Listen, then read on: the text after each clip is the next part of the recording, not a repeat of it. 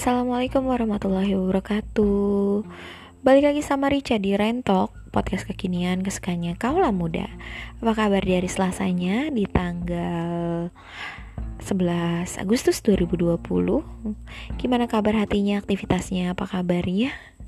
Semoga hatinya semakin baik, aktivitasnya semakin lancar ya.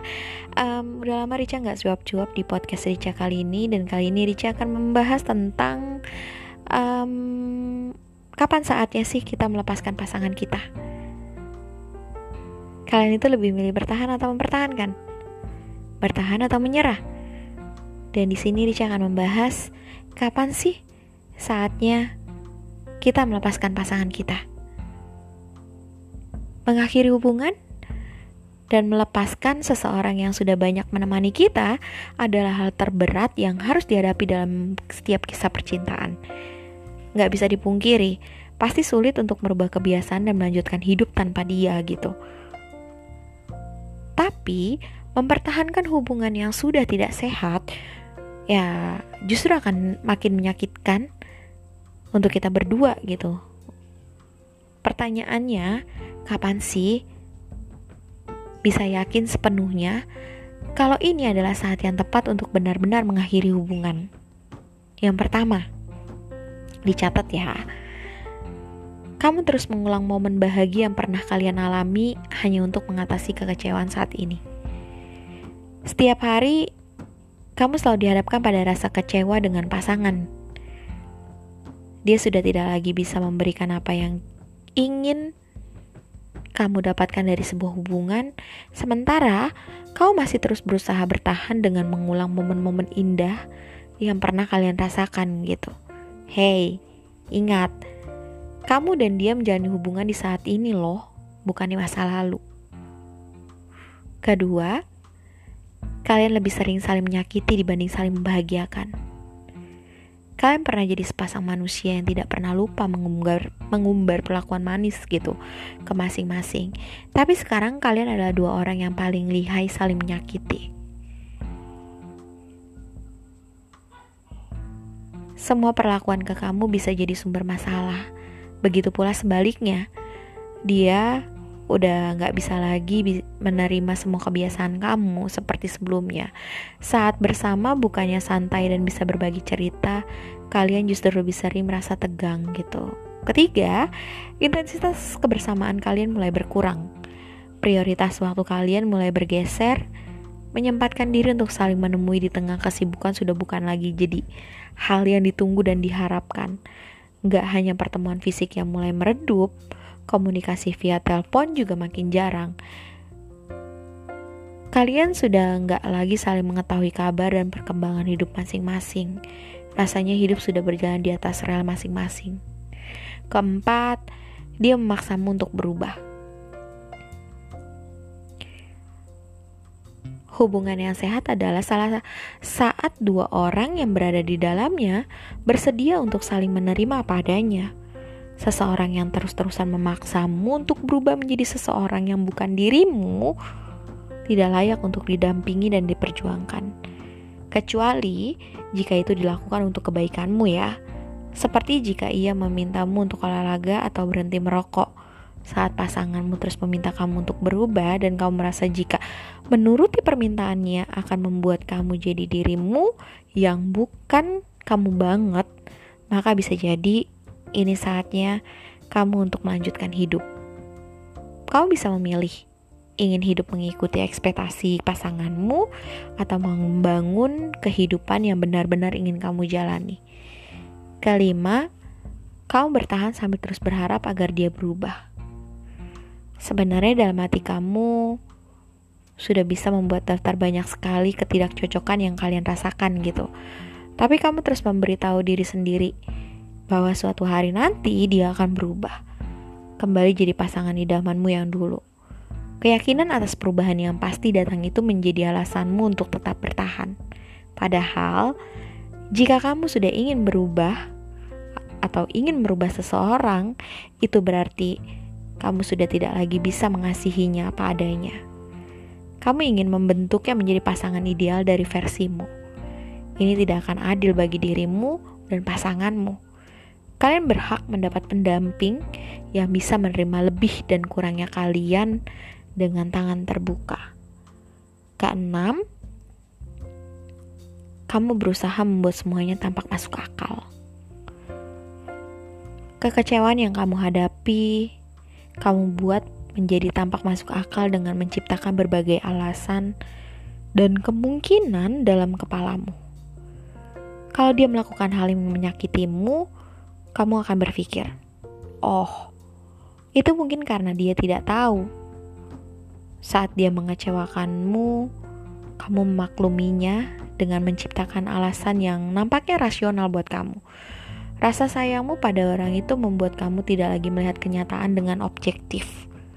Bahwa sebenarnya dia sudah nggak lagi membahagiakanmu, kamulah yang tidak ingin merasakan rasa sakit kehilangan dia.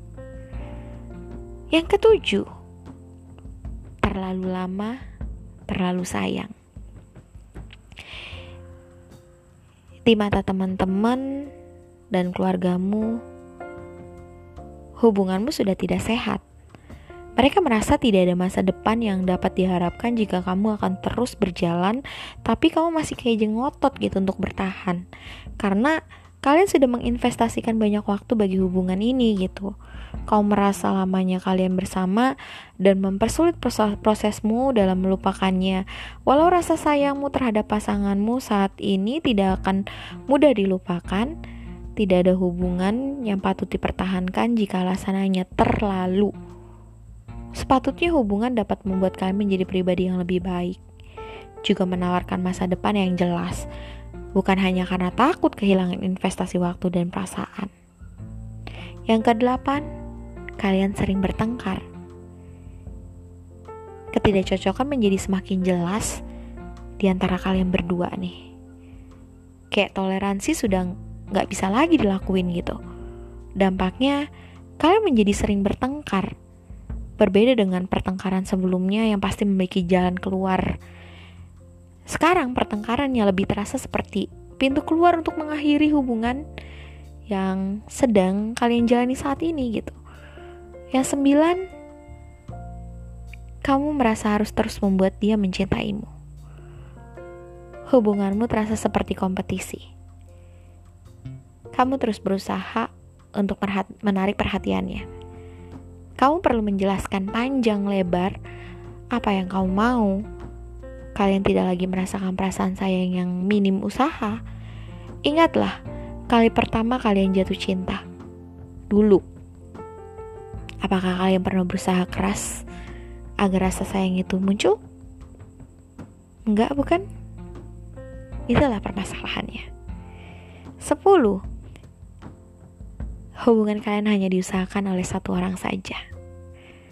Entah kamu atau pasanganmu namun satu orang di antara kalian lebih berusaha keras untuk membuat hubungan ini bertahan, sementara pihak lain hanya menjalani tanpa menunjukkan upayanya untuk memperbaiki keadaan.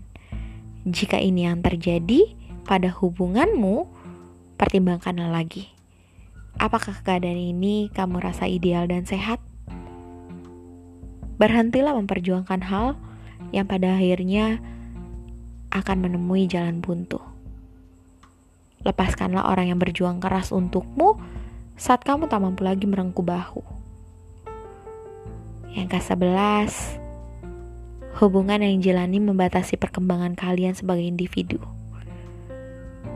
Dengan bersama, kalian tidak lagi memiliki kesempatan untuk mengembangkan hobi dan karir kebersamaan kalian justru memberikan tanda stop bagi terwujudnya impian kalian masing-masing. Saat ini yang terjadi dengan hubungan kamu, maka inilah saatnya melepaskan. Kalian berhak mendapat pasangan yang dapat saling mendukung untuk mencapai impian yang diharapkan. Bukankah impian bersama baru bisa terwujud saat impian pribadi sudah tertas dicapai? Kedua belas, prinsip yang kalian anut sangat berbeda.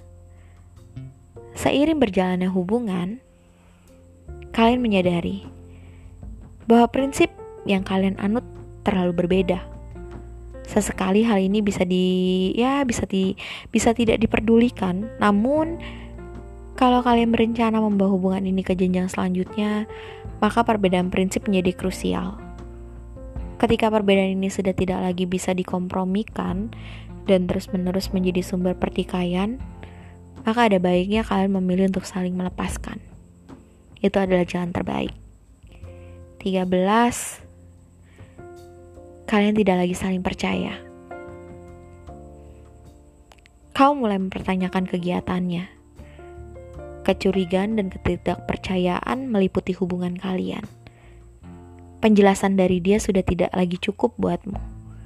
Minimnya rasa percaya bisa timbul karena berkurangnya interaksi dan makin jauhnya kalian berdua.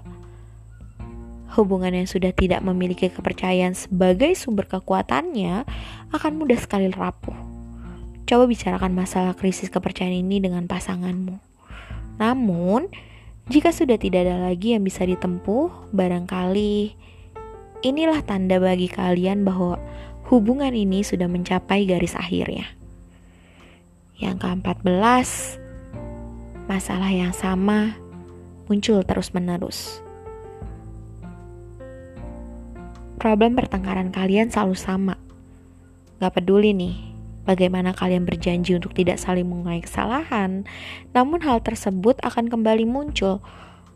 Bukankah ada pepatah yang bilang, jika kesalahan terjadi sekali maka coba lagi, jika terjadi dua kali, kamu harus mulai berhati-hati saat masalah yang sama sudah muncul tiga kali atau lebih berarti kalian perlu berpikir untuk berhenti.